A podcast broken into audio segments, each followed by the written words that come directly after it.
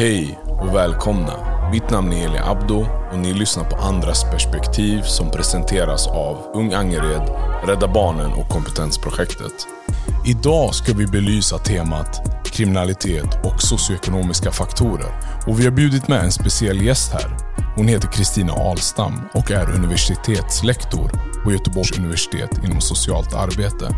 Och vi har även bjudit med våran förra gäst från första avsnittet, Andreas Wetterberg som är enhetschef inom socialförvaltningen Nordost. Välkomna! Det är roligt att ha er här. Det är roligt att vara här. Ja. Tack. Jag, jag tänker så här, jag gillar att hoppa rakt på sak. Eh, och vi pratar lite om socioekonomiska faktorer. Kristina, vill du bara förklara enkelt, vad innebär socioekonomiska faktorer? Ja, socioekonomiska faktorer betyder väl ungefärligen din ekonomiska standard. Vad du har, alltså sen kan man ju mäta det på väldigt många olika sätt. Det mäts ju som låginkomststandard och vi kan prata om eh, andelen um, personer i befolkningen som uppbär försörjningsstöd och så vidare. Men generellt sett när man pratar om socioekonomisk standard, enkelt så är det ju vad man, hur mycket pengar har du att röra dig med i plånboken. Eh, vi har ju också tittat på en rapport som Brå har släppt som heter socioekonomisk bakgrund och brott. Och där vill vi också belysa lite, gå in lite mer på den här rapporten, vad det egentligen innebär och vad har du för syn på den här rapporten?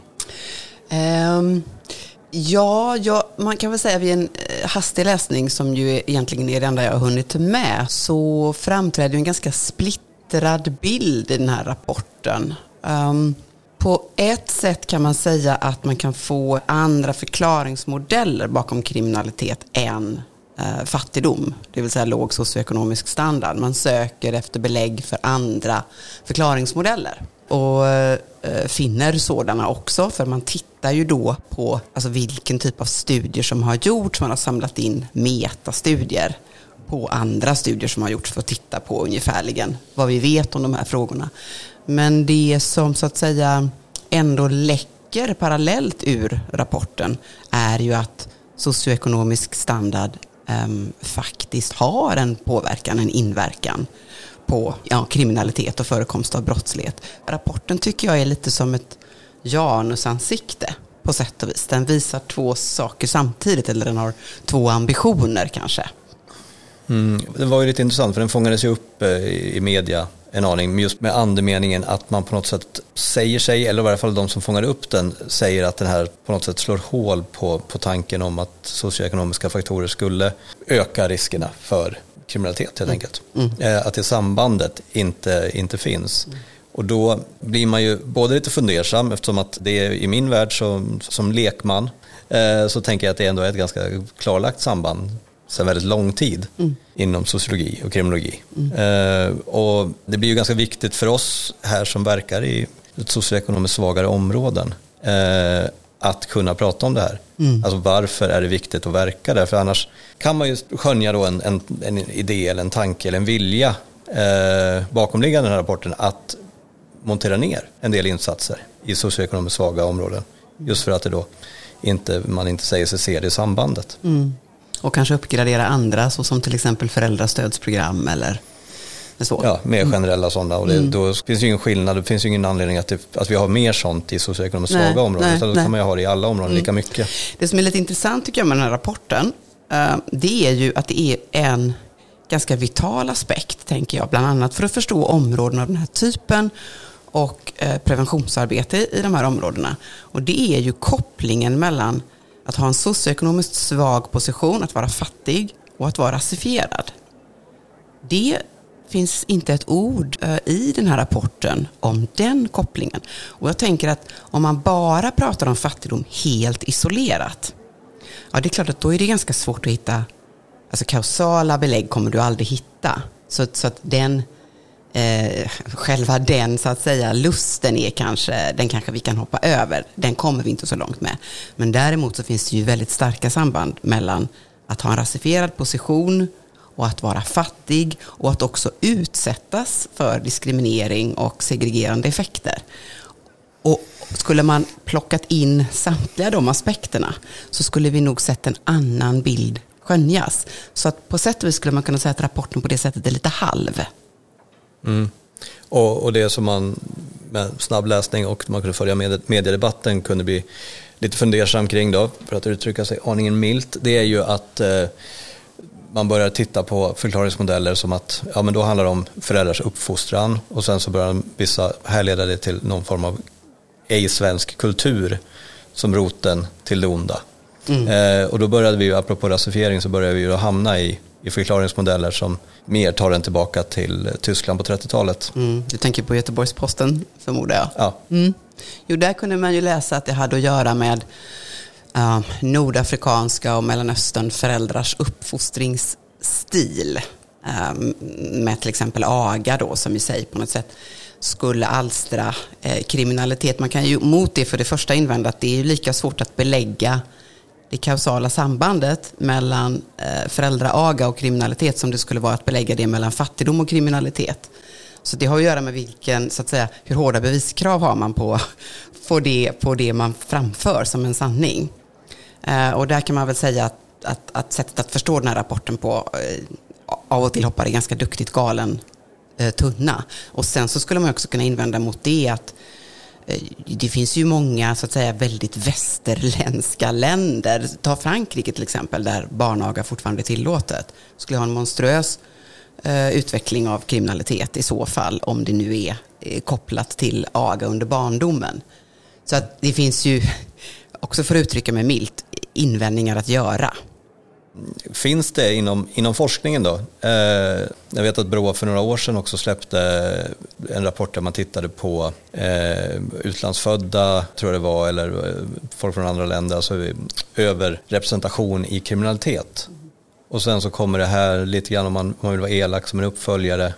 Eh, finns det sådana strömningar nu i, inom forskningen att man försöker så att säga gå ifrån tidigare ganska belagda förklaringsmodeller. Och, och du menar att man lämnar mer so sociala förklaringar ja. bakom sig? Ja, så jag, jag, tror inte att jag ska uttala mig om forskning generellt. Alltså jag tänker att eh, som man frågar får man svar. Det kan man väl säga är en sån här ganska grundläggande postulat för forskning. Så frågar du på ett visst sätt och undersöker på ett visst sätt så kommer du att få en viss typ av, av svar. Um, och sen så är det ju förstås beroende på vilken institution du befinner dig. Alltså så att säga hur du ställer frågor och vilken typ av svar du vill, du vill ha. Men för mig är det väldigt viktigt att man inte kopplar loss frågor om fattigdom å ena sidan eller socioekonomi å ena sidan klassposition om man så vill. Har du inte med eh, det så att säga i din grundfråga eller åtminstone som en bakgrundsfaktor så kommer dina resultat att te sig ganska eh, svårförklarade.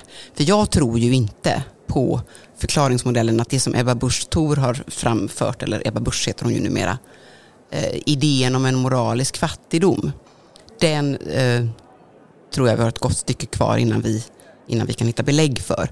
Um, utan, utan ska man hitta en rimlig förklaringsmodell så kan man inte heller bara titta på den som begår brott. Utan man måste också titta på Ehm, till exempel i hur hög grad, hur, hur stor är risken att jag lagförs för mitt brott? För det varierar ju också beroende på klassposition och samhällsposition. Hur stor är risken att jag åker fast helt enkelt? Vilken typ av brottslighet är det vi talar om? Och vilken typ av samhällsintresse riktas mot den brottsligheten? Vilken typ av polisiär uppmärksamhet riktas mot den brottsligheten? Nu svarar jag inte alls på frågan inser jag för att jag går tillbaka till min käpphäst om att binda samman samhällets intresse för viss typ av brottslighet med socioekonomi. Men är det inte bara också en variant av något som alltid har förekommit historiskt när man försöker hitta mm, några andra, alltså att hänga upp problemet på. Nu har vi stora problem med gängkriminalitet, mm. skjutningar, mm. vilket ju utförs av en väldigt liten, liten minoritet. Mm. Eh, vi har haft, eh, vi har haft både mods och punkare och andra mm. subgrupper som, som har fått skuld för ganska mycket bakåt. Mm. Är det mm. kanske också en så? Jo, du har ju, alltså det finns ju viss typ av kriminalitet kanske man kan säga blir nästan folkloristisk till sin karaktär. Och, och när jag säger det så vill jag inte så vill jag inte relativisera de skjutningar vi har sett för att de eh, betraktar jag och förhoppningsvis många med mig som totalt katastrofala. Um, och säger någonting djupt allvarligt om vart vi är på väg. Så det handlar inte om att försöka prata bort det lidande som de orsakar. och inte heller om de samhällsekonomiska kostnader som det orsakar. Men däremot så finns det vissa tråper, nästan metaforer, som vi blir väldigt förtjusta i. Och The Villain är ju en av dem. Eh, någon sorts nästan folkloristisk eh, myt om vargen.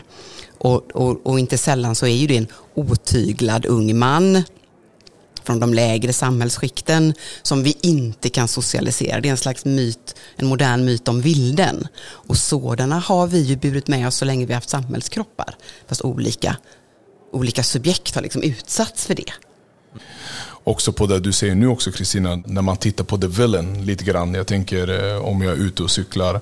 Emil Durkheim pratar om att den kriminella var nödvändig för samhället. Mm, mm, om jag tänker rätt. Mm, mm, och lite grann där så pratar han ju om att eh, den kriminella människan är nödvändig för att samhället ska kunna funka. Så att man vet vad är gott och vad är ont. Mm. Och det låter lite grann idag som att vissa kanske rapporter som kommer ut som missar viktiga aspekter ger ju också olika perspektiv på saker. Mm. Och skulle du säga till exempel om man nu skulle ta med det här, man pratar mycket om samband med föräldrars dåliga eh, uppfostran eller kontra bra uppfostran. Skulle man kunna då säga så här istället, men vad händer när man inte går ut med de resurserna som skulle kunna ge de föräldrarna det stödet de behöver än att belysa att det är en riskfaktor? Mm, mm.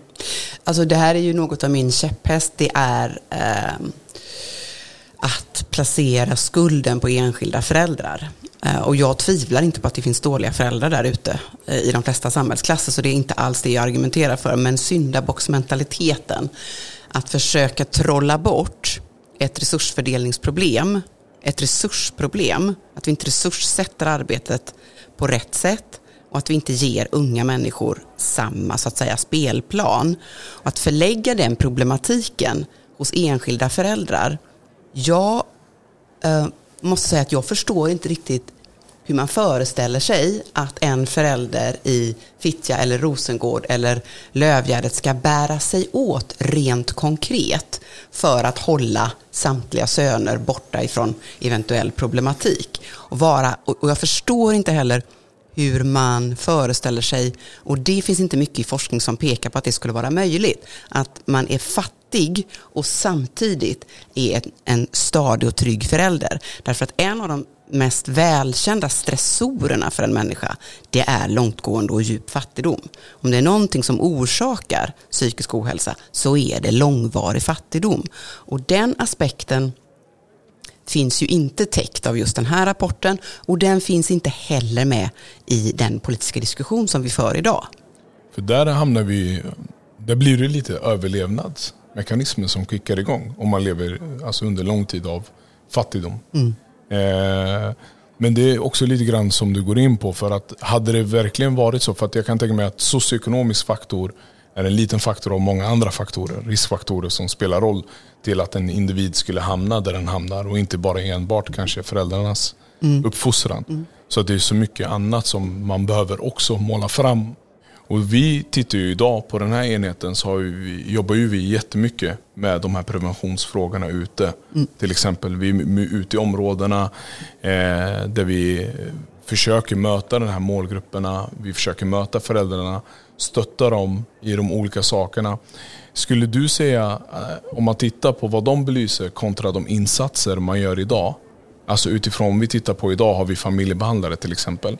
Som möter kanske både familj och de unga som har ett normbrytande beteende. För det är där vi tittar mer på, de som har riskfaktorer för att utveckla ett normbrytande beteende. Skulle du säga så här, utifrån de insatser som man gör idag, som till exempel från den här enheten, man möter många och fångar in dem. Skulle du titta på det och säga till exempel att det som är viktigt är att ta in deras röster och deras sätt att se för att kunna vägleda själva insatserna med hjälp av deras Förstår du vad jag menar? Eller ute och ja, du menar att huruvida deras så att säga, eh, infallsvinkel på den hjälp ja. de, de eh, har möjlighet att få. Ja. Ja, alltså det, det finns väl egentligen ingen insatsforskning som kan bedrivas utan att man så att säga, försöker orientera sig. Hur träffar det de som vi ute efter att nå? Hur träffar det presumtiva klienter? Och vad säger presumtiva klienter att de behöver? Mm. För att det är ju en gammal eh, mismatch, inte inom alla verksamheter och inte alltid, men, men så att säga skillnaden mellan den insatskarta som vi förfogar över och de behov som vi möter. Och det här som man ju inte så sällan gör inom människobehandlande verksamheter, att okej, okay, jag har inga insatser som passar för dig, men om jag försöker bygga om dig och dina behov lite så kanske du kan matcha med någon av de insatserna jag har. Mm. Och så till exempel uppstår ju av och till alltså skuldbeläggande av föräldrar eller patologiserande av föräldrar därför att vi kanske inte kan hjälpa dig med dina konkreta behov som kanske då är ett eh, arbete med en lön jag kan leva på alternativt en bostad som är stor nog för mig och min familj men däremot så har jag en föräldrastödsinsats. Och då behöver jag få klienten så att säga att matcha med den insatsen. Jag vet inte om jag svarar riktigt på din fråga nu. Men att tänka sig att man ska kunna utvärdera eller förstå en verksamhet av det slaget utan att alls veta någonting om vad presumtiva klienter behöver. Det är väl en utopi. Det är det här lite mer utifrån vår verksamhet eller socialförvaltningars verksamhet mm. där det har gått mot en tydligare centralisering, kanske byråkratisering av arbetet där man mycket sitter på kontor och utreder, inte så mycket ute bland de eh, människor man är till för att hjälpa. Samtidigt som man nu från samhället lägger ganska mycket då skuld på, som vi var inne på, föräldrar i våra socioekonomiskt svagare områden. Eh, hur ser du på våra möjligheter att nå de här föräldrarna? Att få dem med oss och känna att eh, ja, men, de här är till för oss och kan hjälpa till. Mm. Du tänker också, antar jag, lite grann på den här, ska vi kalla den väldigt starka oron ute i många områden för socialtjänsten. De tar våra barn, alltså det är inte lönt att vända sig till socialtjänsten därför att rätt vad det är så har du omhändertagit mitt barn. Nej, den föreställningen eh, finns ju, mm. ganska starkt rotat. Mm. Eh, samtidigt som vi också alienerar oss från mm. områdena mm. och gör oss svårare att eh, vända sig till. Mm. Och också svårare kanske att identifiera sig med som, som hjälpare eftersom att vi är på, på distans och inte delar vardag på samma sätt som man kanske gjorde en gång i tiden inom socialförvaltningarna. Mm. Alltså jag tänker att det här är ett enormt problem och det har inte bara med socialtjänsten att göra utan bara för att knyta eller dra i en annan tråd som du la ut här det har ju också att göra med om man tänker sig att ett antal unga i de här områdena uppvisar riskbeteenden, normbrytande beteenden, behöver stöd, behöver insatser. Nästa fråga är ju, finns det då ett samhälle som är beredda att ta emot de här unga individerna? Att integrera dem, att förankra dem, där de kan leva ett gott liv. Jag kommer nu att tänka på, det har gjorts bland annat på Uppsala eh, universitet, eh, CV-studier Mm. Där man konstruerar identiskt lika CVn till exempel. Vi säger att det är en civilingenjör och på en av CVna så står det Maria Nilsson och på ett annat CV så står det Ahmed Ismail. Och så söker vi jobb med hjälp av de här och sen så tittar vi hur ofta kallas jag till intervju. Och föga förvånande så kallas ju Maria, hette hon Nilsson, var det så jag döpte henne? Ja, det vill jag minnas. Ja, vi vill minnas att hon hette Maria Nilsson, kallas ju om och om igen. Mm. På exakt samma meriter som Ahmed har kallas hon till intervju, medan Ahmed Ismail inte kallas till intervju. Alltså bara som en liten indikator på att för att socialtjänsten så att säga ska kunna också vara trovärdig i kom till oss, vi har insatser, vi kan hjälpa, vi kan stödja. Ja, till vad då? Om det inte finns en plats för det att gå till, det finns en, också en annan otroligt intressant forskare som heter Jonathan Scourfield som har gjort intervjuer med marginaliserade barn. Det här är i Storbritannien, Irland tror jag till och med, men möjligen har jag fel där, Storbritannien. Han har gjort intervjuer med eh, barn som bor i marginaliserade, segregerade områden och pratat om deras framtidsutsikter. Och han eh, har myntat begreppet förväntanshorisont.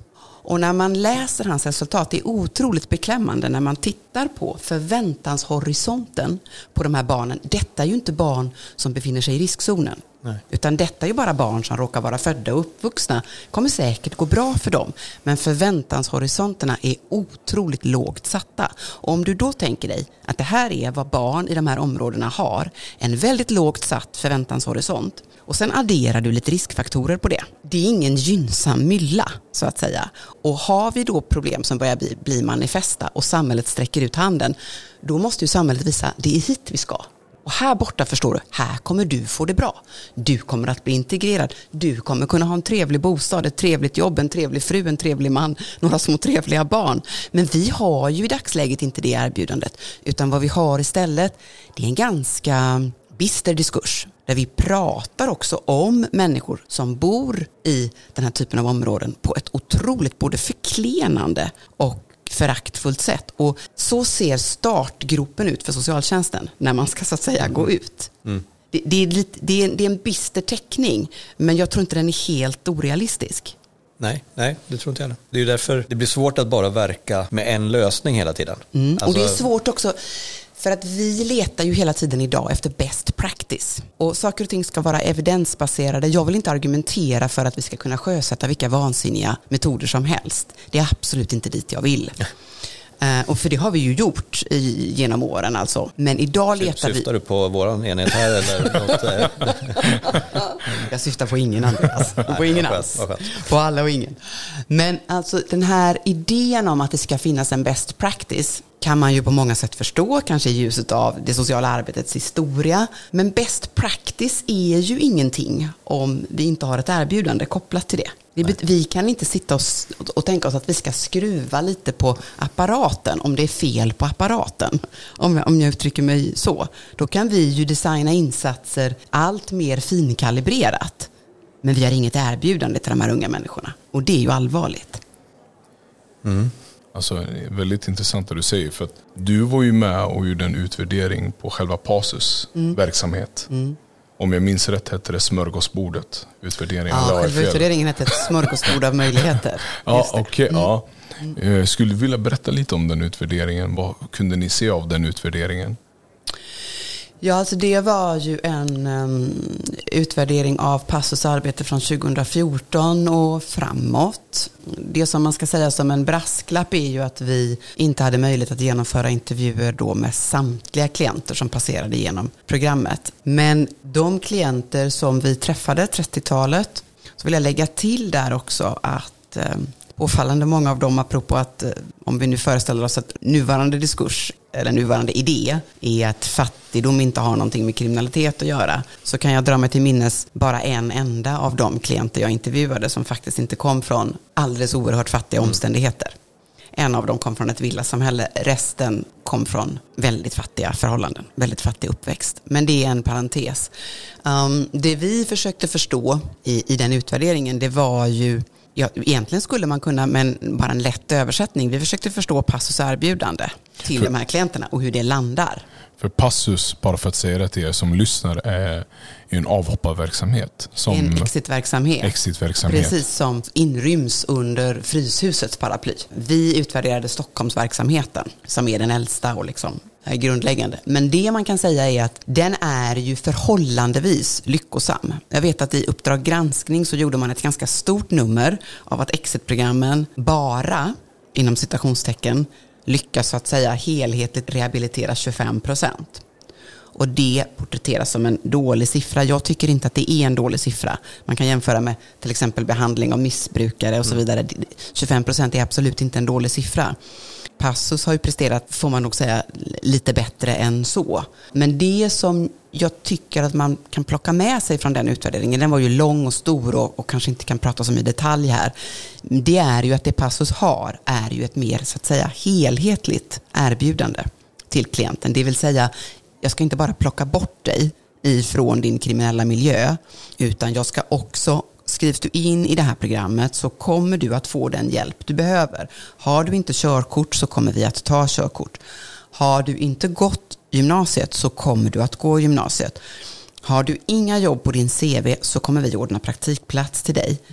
Behöver du en neuropsykiatrisk utredning, då får du det. Vi kommer att ordna en bostad till dig och du, vi kommer inte att släppa ut dig härifrån förrän du har någon form av antingen praktik, utbildning eller jobb. Det vill säga det är ett helhetligt erbjudande.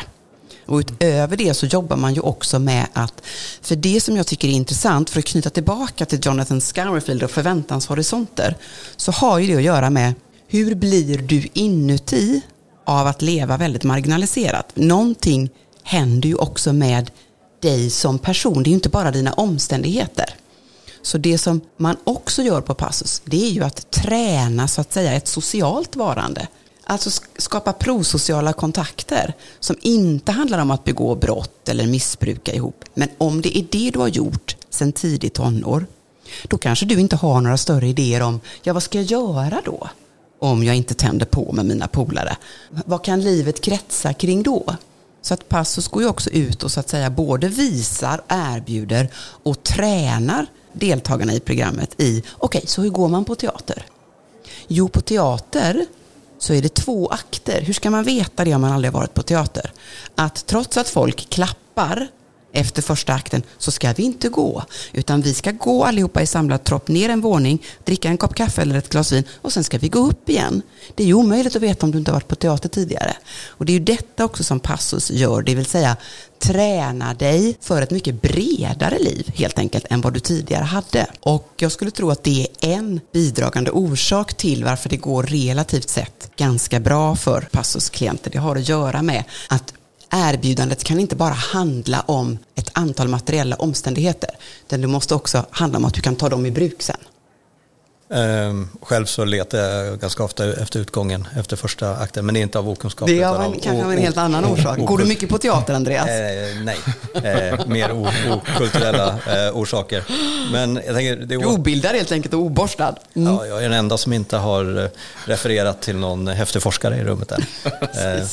Men eh, jag bara tänker om vi återknyter till eh, lite tidigare så vi pratade om de här förutsättningarna som finns redan när socialtjänsten kommer in. Mm. Och det är just det här som vi behöver ta till oss och lära oss när vi, när vi träffar människor. Det blir väldigt svårt, nu ska jag försöka korta ner mitt resonemang här, men det vi har gjort under 20 år med offentlig förvaltning det är ju att professionalisera ganska mycket, stycka av, göra mindre enheter. Man har en verksamhet som jobbar bara med ekonomiskt bistånd, en som kanske jobbar med arbetsmarknadsfrågor, en som jobbar med samtalsstöd. Alltså, man, man kan hålla på länge mm, så. Mm. Och när du möter en människa så är inte den uppstyckad på samma sätt. Utan den har ju massa olika behov. Mm. Eh, och det är också därför det är intressant för oss att titta på verksamheter som Passus eller, eller andra som tar ett helhetsgrepp. Mm. Nu är ju de här exit-verksamheterna inte generella på det sättet utan de är till för ett fåtal eh, väl etablerade kriminella med hotbilder som flyttas på, det, det är dyrt och så vidare. Mm. Men eh, vi vill ju titta på hur kan vi översätta det här till ett mer mm. öppenvårdskontext och mm. göra det mer generellt för fler. Mm. Och innan det har gått för långt också. Men där funderar jag på hur du tänker kring det. För att vi famlar lite grann efter att kunna erbjuda flera saker. Titta på som du var inne på, praktik, prosociala kontakter. Samtidigt som man jobbar kanske med, med tankemönster, alltså kriminella tankemönster, impulskontroll, Ehm, och andra sådana metoder som vi använder oss av. Och ehm, samtidigt som man försöker stärka kanske ett nätverk, kanske öka förutsättningarna för, att, för ett hållande. Men hur ser du på förutsättningarna att göra det om man inte gör det liksom, så att säga, inom samma verksamhet utan när man är beroende av kanske sex aktörer mm. för en människa då, mm, för att mm. få det att funka? Mm.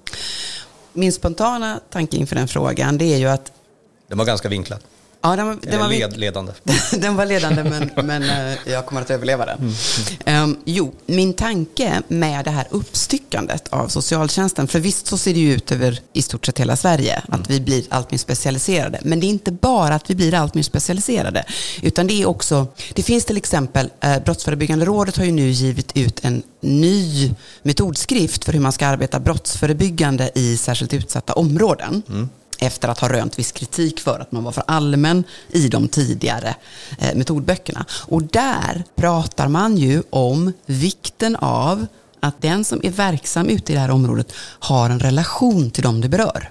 Och min farhåga med specialiseringen av socialtjänsten, det är att den relationen inte finns. Vi är idag allt mer förtjusta i tanken, dels på metodhandböcker, Mm. Best practice. Men också, så, ja, det här har ni säkert hört hundra gånger, det ska inte stå och falla med en person, utan med en funktion. Mm. Så vi ska kunna plocka bort Andreas direkt och så ska vi kunna ta in Annette och det ska inte märkas någon skillnad.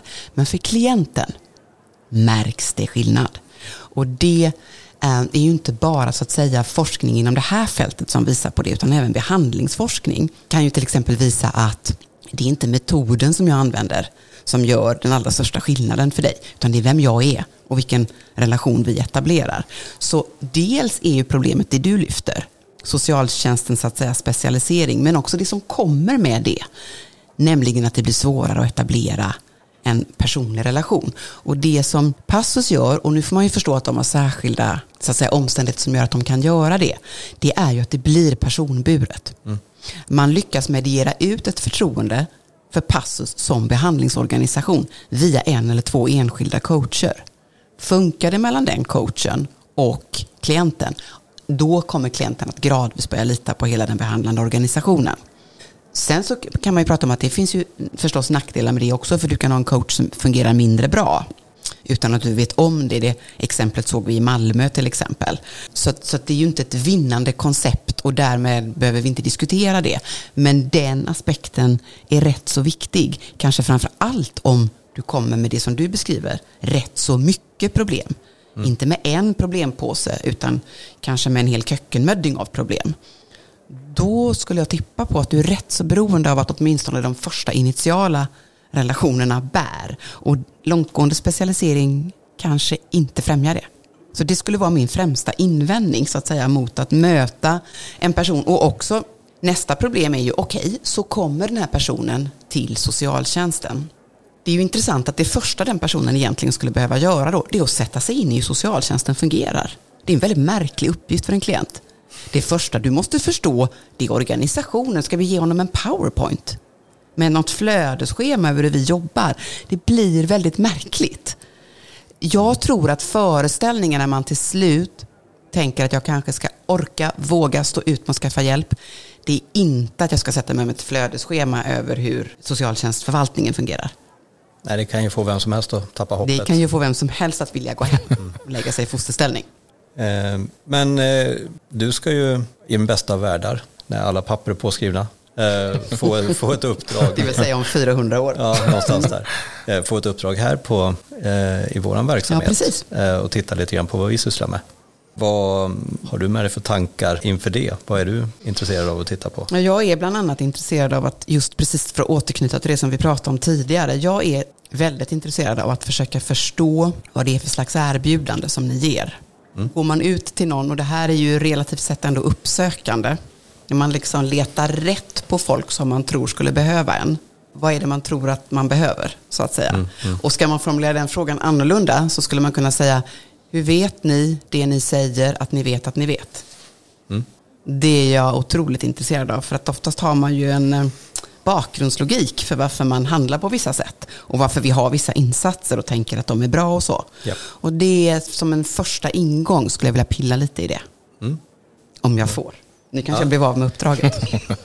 ja, vi får ta det sen. Elin. Ja, vi får ta det sen. Eh, nej, men det låter eh, bra. Eh, som du säger, vi går ju också in med våra förutfattade meningar kring vad, vad folk behöver. Och så har vi en logik som både har att göra med organisationen, alltså det sätter ju också gränser mm. för vad vi, vad vi kan eller vad vi tänker att vi kan. Mm. Och där vi anpassar oss och så anpassar vi oss efter hur vi har uppfattat verkligheten. Mm. Och det är inte säkert att den stämmer och det framförallt så kan den kan ha stämt. Mm. Men hur uppdaterad mm. är den och, och hur duktiga är vi på att fånga upp det? Och det har lite med framtidsperspektiv att göra också. Det är ju inte så jättesällan som klienter och professionellas framtider är olika långa. Och som professionell så tänker jag, härligt, jag har fått in dig här, nu ska vi bearbeta dig i sex månader och sen ska vi spotta ut dig igen. Men för mm. klienten är det en risk. Jag ska alltså klippa med allt det här som jag förvisso inte tycker om. Men, men det är ju en sak att inte tycka om någonting och en annan sak att vara bekant med det. Och det är mycket möjligt att jag hellre stannar i det bekanta, väldigt, väldigt tunga och obekväma, än att jag ger mig åt din väldigt korta framtid på sex månader. För vad händer sen? Vad händer med mig om ett år? Vad händer med mig om två år? Vad kan ni, så att säga, hur ser ert löfte ut? Mm. Och där skiljer sig oftast horisonterna mellan professionella och presumtiva klienter. Det skulle också vara lite spännande att, att gräva i. Jo, vi har ju typ på oss att vi ska leverera en, en produkt så att säga. Mm. Där man ska gå, gå igenom vår verksamhet, komma ut som dugliga samhällsmedborgare. Just det. Gärna så kort tid som möjligt. Mm. Eh, när det ganska ofta är, är orimligt, kan leda till eh, ja, men att, att man behöver hjälp igen helt enkelt. Och då kan man ibland fundera över logiken att mm. varför var vi tvungna att avsluta Mm. Men samtidigt kräver en, vi behöver ha en genomströmning, vi är till för många. Mm. Så det är, det, är, det är inte helt lätt att navigera genom och det är olika logiker som möts och sådär. Mm, ja, och sen är det ju också krocken, presumtiva krockar mellan förvaltningslogik och de professionella som ska jobba och kanske vet och vill någonting annat. Men inte, så det är ju den, det är inte bara så att, säga, att undersöka länken mellan professionell och klient, utan det är ju också att undersöka länken mellan professionell och förvaltningsledning om uppsatta mål. Varför ser de ut som de gör? Hur har man argumenterat för dem? Och hur så att säga realistiskt eller mindre realistiskt är det att den professionella genomför dem? Det är ju lite koppling till det forskningsprojekt som jag har avslutat om brottsprevention i särskilt utsatta områden där vi tittade på fyra olika områden i Sverige. Det, där kan man ju så att säga se samma typ av problematik, det vill säga länken mellan policynivå och metodstöd och praktikerna, den är i princip bruten. Och det är inte det enda fält där det sker. Men det måste man ju också förstå, den professionella agerar ju inte i ett vakuum där man hittar på att så här tror vi att vår verksamhet ska fungera. Och sen, sen, är det alltid den här utmaningen, det är klart det är lätt att avsluta det eller känna sig färdig om man har kommit till den punkt att personen i fråga inte längre har behovet, är i ett sammanhang där allting känns tryggt och, och det finns en tydlig riktning framåt även efter, men så ser inte verkligheten ut. Rent krast kanske inte så mycket har hänt förutom att man har minskat en kriminalitet eller ett missbruk, mm. men skolan kanske inte funkar hundra. Mm. Vägen till att få ett jobb är inte hundraprocentig. Och då är frågan, är inte det hur ska det omhändertas? Varför tror vi att den här personen kommer att fungera i samhället om vi inte har stakat ut den vägen och se till att den faktiskt går att, att lösa? Mm. Sen är också frågan vad det är vi vill åstadkomma. Är det, så att säga, nu använder jag eh, termer som om vi befann oss på ett sjukhus. Är det rehabilitering som vi är ute mm. efter? Eller är det det som kallas för harm reduction? För det är ju lite två olika saker. Antingen vill jag att du helhetligt ska må bra. Bli frisk, för att fortsätta använda patologiska termer. Bli frisk. Eller så vill jag få dig under kontroll så att du slutar orsaka samma ekonomiska, materiella och emotionella skada på samhällskroppen. Då kanske jag bryr mig lite mindre om hur långt gången du är i din rehabilitering. Och den typen av frågor, där är vi ju inte riktigt än. Vad är, det vi, vad, ska säga, vad är slutmålet? Nej. Och det är superspännande eh, om vi med hjälp av det kan prata mer om det och få lite syn på sådana frågor där vi missar att prata om det och, och, att ha, vi kanske inte ens ser på det på samma sätt. Mm. Eh, det tror jag inte att vi gör. Jag tror Nej, vi har väldigt för det är också frågan om vad, vad, vi tyck, vad vi tror är realistiskt. Mm. En fråga är ju, vad är idealistiskt det bästa? Mm. Vad är, vart är det vi vill och hur mycket är vi beredda att satsa på det? Med vilken typ av metoder. Men sen är det också fråga om en rent pragmatisk fråga. Jag tänker på programmet, eh, jag antar att ni har sett det, Uppdrag gransknings, eh, granskning av avhopparverksamheter. Där en eh, representant från polisen lät antyda att de här avhopparverksamheterna inte kan betraktas som så lyckosamma eftersom klienter efteråt har åkt fast för fortkörning samt cannabisrökning. För mig är det en lustig invändning. Jag skulle nog vara beredd att säga att en person som har lämnat tung gängkriminalitet och åker fast för cannabis och fortkörning jag skulle säga att det relativt sett är en ganska skaplig utkomst. Men det har ju att göra med, återigen, pragmatiskt, vad är det vi hoppas på? Alltså så att säga, när blir vi besvikna? För att du körde för fort och då har jag misslyckats med dig. Mm. Men det beror ju också på vad jag har ämnat att du skulle, så att säga, eh, vart du skulle hamna när insatsen var klar. Vad är realistiskt att förvänta sig? Ja, och det, och det är sådana frågor vi också måste ställa oss hela tiden och det som du säger, där fastnar man ganska ofta. Eh, jag tror att synen hos oss praktiker har nog ändrats um, sista decenniet också där man nog tidigare hade en mer idealistisk syn på att man var antingen kriminell eller inte. Där vi nu kan se att det är klart att det är bättre att vara väldigt lite kriminell än att vara jättemycket kriminell. Det, det sägs lite grann Vi föredrar det ja. Ja, vi föredrar det. Mm. Um, men där vi också behöver fundera över de frågorna uh, även på, på det andra sociala arbetet. Alltså när, vad är ett lyckat resultat och hur mäter vi ett lyckat resultat? Mm. Uh, hur, hur, kan vi ens mäta det? Och mm. vilken tidshorisont måste man ha för att kunna mäta det? Ja, precis. När ska det mätas? Ja. Mm. Um, och är det vi som mäter eller är det personen i fråga själv som, mm. som ska mäta? Ja, och är det en katastrof om man, alltså hur betraktar vi till exempel ett återfall? Mm. Är det en katastrof? Eller kan man tillåta sig att säga, men i två år och åtta månader avhöll sig den här personen och levde ett ganska okej liv. Nu ska vi försöka ta fatt i honom igen. Behöver det så att säga regna på paraden? Nej, och där behöver vi, tror jag, bli duktiga på att argumentera och, och prata om de här frågorna internt så att man sen, för jag tror utifrån sett så, så kan man ju bli ifrågasatt om man har en verksamhet och sen så är det någon som återfaller i kriminalitet på något sätt eller gör något dumt igen. Mm. Och då kan det bli så att hela verksamheten är ju helt värdelös. Mm. Eh, men då behöver vi ha åtminstone en, eh, en förklaringsmodell för oss själva. Är det här ett misslyckande eller är det här, det kanske var en framgång ändå. Eh, och det kanske går att fortsätta på framgången, det kanske går att plocka upp den här personen och så fortsätter man jobba. På samma sätt som vi behöver vara, förhålla oss till verkligheten. Vi kommer inte att lyckas med varje person vi träffar. Nej. Det är jättesvårt med de här förändringsprocesserna. Det är ju mm. vem som helst som tänker att man ska ha ett nyårslöfte och göra en livsförändring har väl insett att det är lite småkrångligt. Så går vi på gymmet i januari och halva februari, sen går vi inte dit igen. Precis, och där kan man ju också inlämna, tänker jag, socialt arbete om vi nu pratar risk och skyddsfaktorer. Så kan man väl säga att personer som hamnar i tyngre och mer organiserad kriminalitet har ju som regel haft ganska få skyddsfaktorer. Mm. Ganska många riskfaktorer. Om man då tänker på socialtjänsten som en bästa fall en skyddsfaktor, om det fungerar som det ska, eller det uppsökande arbetet, okej, då är det en skyddsfaktor som vi har adderat i ett liv med en ocean av riskfaktorer. Då kanske vi inte ska bli jätteförvånade om vi när vi rytt sen tar bort den skyddsfaktorn och säger till personen i fråga, så nu flyger du fritt här. Flyg iväg, lev ditt liv. Om den personen så småningom vid andra typer av svårigheter skulle gå tillbaka till ett gammalt mönster. Det behöver inte betraktas som ett misslyckande. Men vi har ju den tendensen. Mm. Vi har en tendens till någon typ av dikotomt eller svartvitt tänkesätt kring det här ganska komplexa arbetet som det innebär. Mm, absolut. Och, och också den här frågeställningen som kanske är lite cynisk, men vad är alternativet till att försöka? Om vi nu säger att det är ett samhällsproblem, vi behöver få fler mm. människor mm. in i samhället, minska så kallad nyrekrytering till kriminella gäng eh, och få fler att vilja lämna när de är i gäng. Mm. Om vi inte ens försöker. Alltså, Alternativet är ju då kanske att bygga fler fängelser. Mm, det har ju USA lyckats toppen mm. med att lösa problemet på det mm. sättet.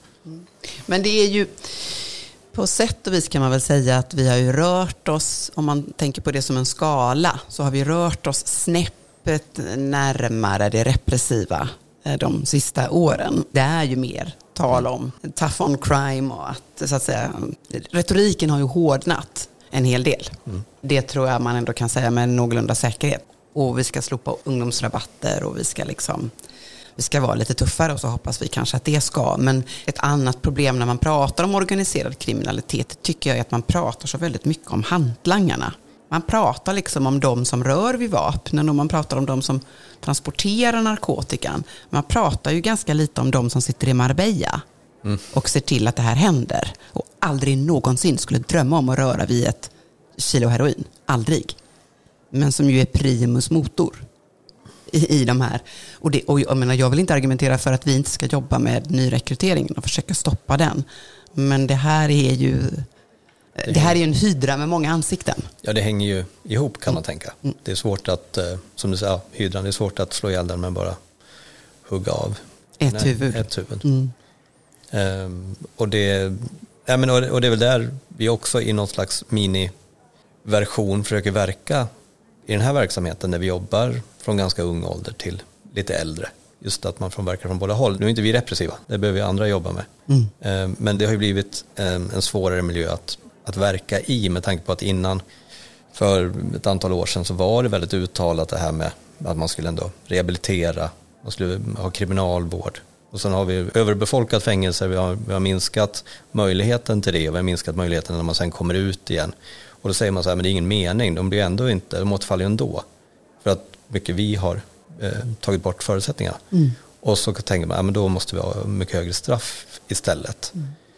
Um, och det här blir en slags omöjlig ekvation. Mm. Sen, sen finns det säkert en rimlig diskussion om att vissa, vissa brott behöver ha högre straff och att vi, samhället behöver skyddas från vissa individer. Det är inget, ingen motsatsförhållande i den diskussionen och ändå tänka att de allra flesta kanske är orimligt att låsa in mm. för alltid för småbrott mm. när de är unga. Mm. Precis, jag menar vad gäller repression och ökad repression så är det ju förstås så att det finns brottslighet som man måste skydda samhället ifrån. Men där straffet också fungerar moraliskt vägledande. Det här är en moral som det här samhället står för du får, du skall icke döda. Så. Mm. Och det är inget orimligt i en repressionstanke i den meningen. Men frågan är ju gentemot vilka personer i samhällskroppen ska det riktas? Mm. Att slå brett mot tonåringar är jag kanske mer tveksam till. Eh, nej, absolut. Den som inte gjorde något dumt som tonåring är nog en ganska tråkig person. Mm, jag är förhindrad att kommentera det, men jag håller med dig i sak. Det här är ju, det är ju ganska intressant att höra allt det här. Och man kan ju också säga så här, kortfattat, liksom att vi alla ingår i någon form av socialisering. Vi själva är ju vårt eget verktyg när vi kommer ut med våra erfarenheter och kunskap när vi möter målgruppen. Och vi upplever saker vi inte själva är färdiga med, men vi utvecklas över tid och det sker utvecklingar på utsidan också. Och vi försöker ju ständigt liksom anpassa oss och möta de vi är till för så gott vi kan och kunna hela tiden, vi måste också vara självkritiska som personer i vårt professionella yrke. Vad är det jag kan göra bättre? Vad är det jag kan göra för att kunna förstå den jag har framför mig? För att på bästa möjliga sätt kunna hjälpa den människan. Och, och samtidigt, vilka insatser är vi behöver? Och vi kommer alltid vara i behov av forskning. Vi kommer alltid vara i behov av att kunna få de förutsättningarna. Och precis de som bor ute i de socioekonomiskt svagare områdena kommer alltid behövas mera resurser för att vi ska kunna gå framåt. Eh, alla de här temana vi har berört nu har ju varit väldigt intressanta och väldigt komplexa. Det finns inga svar idag men vi försöker beröra dem. Men jag vill ändå säga eh, stort tack. Tack Kristina för att du valde att vara med på andras perspektiv. Det har varit otroligt intressant att lyssna på dig. Eh, man lär sig när man sitter här, måste jag säga. Och tack Andreas för att du ännu en gång är med. Du lär dig inte alltså, mycket av mig, men... Jag lär mig, jag lär mig jättemycket av dig, måste jag säga. För att jag tycker, om, jag tycker om att höra hur ärligt öppet det är. Man måste våga prata. Och det är så vi lär oss och det är så vi går framåt. Och eh, gott folk, ni har lyssnat på andras perspektiv och vi kommer höras snart igen. Tack snälla.